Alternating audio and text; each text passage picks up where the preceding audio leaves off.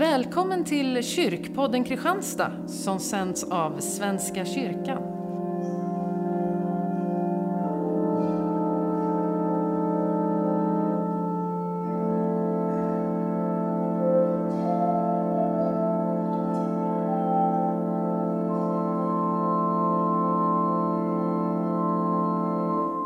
I den här podden har jag bjudit in två gäster som får samtala om helgens evangelietext. Denna första advent är texten hämtad från Matteus 21, 1-9. Jag heter Karin Skillborg och idag har jag förmånen att lyssna till Broder Ingmar och Erik Arvidsson. Broder Ingmar är katolsk präst och benediktinmunk. Han lever i det kloster som han själv byggt, där han eh, ber och läser och arbetar. Broder Ingmar har också skrivit en del böcker. Erik Arvidsson är idag kamrer i Svenska kyrkan i Kristianstad och har en bakgrund i EFS. Erik har arbetat med mission tillsammans med olika systerkyrkor och organisationer i många olika länder. Välkomna! Vi börjar med att lyssna på dagens text som vi ska samtala om, som är hämtad från Matteus kapitel 21. När Jesus och hans lärjungar närmade sig Jerusalem och kom till Betfage vid Olivberget skickade Jesus iväg två lärjungar och sa till dem Gå bort till byn där framme så hittar ni genast ett åsnesto som står bundet med ett föl bredvid sig. Ta dem och led hit dem. Och om någon säger något ska ni svara Herren behöver dem, men han ska strax skicka tillbaka dem. Detta hände för att det som sagts genom profeten skulle uppfyllas. Säg till dotter Sion, se, din konung kommer till dig, ödmjuk och ridande på en åsna och på ett föl, ett lastdjurs föl. Lärjungarna gick bort och gjorde så som Jesus hade sagt dem. De hämtade åsnan och fölet och la sina mantlar på dem och han satt upp. Många i folkmassan bredde ut sina mantlar på vägen. Andra skar kvistar från träden och strödde dem på vägen. Och folket, både de som gick före och de som följde efter, ropade Hosianna, Davids son, välsignade han som kommer i Herrens namn. Hosianna i höjden. Jag är ju jättenyfiken på den här texten och vad den texten kan säga oss idag. 2021. Har den någon relevans idag för, för ditt liv, Broder Ingmar? I högsta grad. Men är inte så lätt att förstå? Jag skulle vilja börja med den sista delen. Där det berättas om hur folket breder ut mantlarna på vägen och ropar något slags jublande Hosianna-rop. Och samtidigt har vi fått höra att han enligt profeten skulle vara en ödmjuk konung som rider in. Hur går det ihop? Detta ödmjuka, detta... Han kommer inte på en stridshingst omgiven av trumpeter och soldater. Man rider på en åsna ödmjukt, säger profeten. Och ändå jublar folket. Och evangelisten som har berättat det här tycks vilja säga någonting redan här i början på Jesu intåg i Jerusalem. Som rymmer både en förnedring och en ödmjukhet och någonting som segrar och triumferar. Och vi som har sett i facit, vi vet ju vad det handlar om. Jesus rider in till sitt lidande, till sin död. Den djupaste form av förnedring. Och Matteus skriver ju det här efter. Han har sett i facit. Det vill säga, han vet att den här förnedringen, den här döden skulle sluta i ett jubel på uppståndelsen. Genom uppståndelsen tre dagar senare. Och detta föregrips redan när han rider in i Jerusalem. Och där tror jag, det tror jag är orsaken till att, att firandet av intåget i Jerusalem för oss katoliker, vi, har den, vi läser den alltid på palmsöndagen. Vi kan läsa den på första advent också. Men det normala är att vi gör det på palmsöndagen. Och då går vi en procession också till kyrkan med säljkvistar i händerna och sjunger jublande sånger. Trots att vi vet att det här är vägen till Jesu lidande. Men vi vet ännu mera. Vi föregriper hans seger på tredje dagen.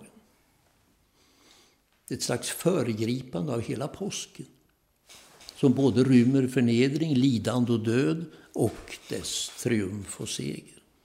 Och det är som om folket vet bättre än några andra. Folket, med hjälp av profeten, och hur de visste det kan man exegetiskt fundera väldigt mycket över. Och hur, hur, var fick de det här ifrån? Att sjunga en sån här sång vid det här tillfället, vad visste de? Det behöver vi inte besvara i, i den här korta sändningen, men evangelisten Matteus har komponerat det hela och satt ihop det och får hela sammanhanget i det större och djupare mening att framträda. Och då är det folket som förkunnar vad som ska ske en hel vecka senare. Där de redan, när han rider in, frivilligt går lidande till mötes, visar på en annan typ, en annan slags Messias, en annan slags konung än vad de möjligen hade förväntat sig. En politisk seger. Och där ligger hela den kristna tron, hela kristna budskapet. Det kokar tron. ner till... Förlåt? Ja, det kokar ner. Det ja, alltihopa kokar ner till påskens budskap. Ja. Som vi föregriper redan på palmsöndagen. Och det är ju det är den största helgen vi har. Eh, både för katoliker och för lutheraner så är det ju påsken som är eh, essensen av kristendomen egentligen. Att, eh, att Jesus lider och dör och uppstår för för oss och ja, släkten som har kommit tidigare och släkten som kommer efter. Ehm, och där ehm, ehm, just det här när, när i, i, den miljön som Israels folk levde på den tiden under, under Rom så, så blir det alltid, när man kommer tillbaka till den här frågan, var det en politisk eller var det en, en religiös kung, Messias, som man väntade på? Eh, och det är väl säkert lite av, av eh, både och kanske, tänker jag mig. Eh, och samtidigt så vet vi också att det var många andra som hade utgett sig för att vara Messias tidigare och under den här perioden och säkert någon som, som gjorde det efter Jesus också. Och att det, det borde ha påverkat folk att de, de var hade det med sig också att nu kommer ytterligare en kanske som, som utger sig för att vara den här som vi väntar på. Eh, om, om han ska befria oss från Rom eller om det är Messias, det kanske vi får se. Ehm, kanske en del av dem tänkte i alla fall. Sen har jag funderat lite på, ehm, för vi, vi har ju facit som du säger också, att evangelisterna har ju beskrivit hur det gick och vad som hände ehm, i helheten där och vad som hände sen. Eh, och det facit hade inte de. Eh, och eh, samtidigt så, eh, så levde de i en miljö där man verkligen kunde sin ja, GT för oss, men deras bibel var de ju väl insatta i. Och, eh, kanske till stor del så, så var det väl det som skolgången skulle leda till, att man kunde läsa eh, bibeltexterna och lägga ut den lite grann i synagogan och så. Ehm, så på så sätt så hade de ju det med sig att man gick och väntade på eh, Messias och man hade kopplingen till eh, profeternas texter och så. Ja, det har du rätt i. Det är ju lite, vi har ju olika förutsättningar. De som levde då och vi som läser texten nu. Vi får nog smälta det medan vi lyssnar till eh, organist Sigrid Berggren som i Norra Åsunds kyrka spelar Bereden väg skriven av Otto Olsson.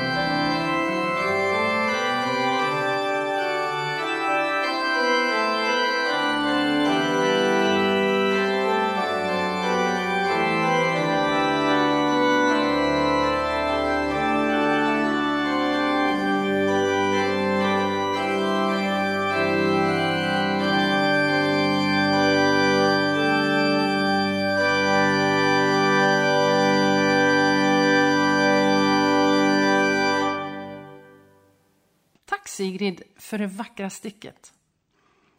Erik, utifrån dina tankar kring den kunskap vi har idag och vad de visste då, vad tänker du då? Eh, och om man skulle lyfta det här till idag och, och jämföra med um, om vi skulle se, nu vet vi att Jesus ska komma tillbaka på ett sätt som ingen kan missförstå eller missa. Eh, men om han inte hade kommit då, Eh, utan skulle dyka upp första gången 2022 eller någonting sånt där. Ehm, så har jag funderat lite på hur det skulle kunna se ut. Och, ehm, eh, så att man bryter igenom det brus som eh, hela världen lever i nu med information och allting och alla uppkopplade dygnet runt och alla har tillgång till allting. Ehm, och att då kunna slå igenom och jag vet inte om du har någon tanke på vad som skulle behövas idag. För jag har inte kommit fram till någonting som, um, som verkligen, här, här kommer Jesus och det förstår i alla fall en del. Om det hade varit första gången, det vill säga. Jag tror inte att det finns något svar på sådana. Det blir spekulationer. Mm. Eh, jag tror att enda möjligheten, och det är en kärv möjlighet, att komma åt vad, vad som skulle hända, det är att själv följa Jesus på den väg han gick. Det är vad han säger till oss. Han säger inte bara tro på mig, han säger också följ mig. Det betyder följ mig in i förnedring och lidande för min skull. Då först ändrar sig hela bilden. Om man inte gör det, då blir de lösningar vi hittar förmodligen eh, fåfänga och rent av farliga eller livsfarliga. Men den som gör det, den som följer Jesus, det vill säga lämnar ut sitt liv som han gjorde åt Faderns vilja. Det var uppenbarligen att Gud ville att han skulle gå den här vägen. Och den sa han ja till. Om vi gör det i Jesu efterföljd, då tror jag det blir, då kommer hela vår vardag att ändra sig. Och då kan vi få uppleva det som de här lärjungarna fick uppleva. Gå in, det står ett åsnesto och väntar på er, och det stod där. Och de fick till och med tala om, de fick till och med reda på vad de skulle svara om någon frågade varför då tar ni åsnan, det är ju inte in, er. Det kan en kristen som följer sin Herre i vardagen. Lämnar över varje dag sitt liv. Nu får du bestämma hur den här dagen ska se ut. Då kan man göra precis samma erfarenheter. När kvällen kommer så upptäcker man, va? Det gick ju. Det jag skulle säga blev lagt i min mun. Där jag bara såg en hög mur, där öppnades en dörr. Där jag behövde en åsna att rida på, det, stod en åsna där på något sätt. Men det förutsätter, och det är den kärva, det kärva i budskapet, det förutsätter att vi följer den här märklige mannen. Också in och ner i lidande och förnedring. Då, men först då, tror jag, förändras livet så att vi får hjälp i högst små vardagliga detaljer. Det låter, eh, det låter tufft. Ja, jag tror det är tufft. Vad tänker du, Erik? Jag kan ibland fundera lite kring det här med Eh, de här hur vi når ut till, till andra som inte redan är kristna eller uppvuxna i, i en kyrklig, eh, har en kyrklig bakgrund eller är skolade i kyrkiska, om man säger så. Eh, det var ju alla svenskar för inte jättelänge sedan, men numera så har vi nog tappat en hel del av, av den kunskapen som alla skolbarn fick på olika sätt och, och så. Ehm, och om, om det skulle hända idag att, att Jesus eh, sa åt sina lärjungar eller någon av oss att eh, gå dit och dit och hämta det här och det här och om någon säger någonting så ska ni säga att Herren behöver vad det nu är för någonting. Då ordet Herren är ganska främmande i, idag, tror jag. Ehm, jag ehm, parallelläste parallellläste lite andra översättningar och så av, av den här texten.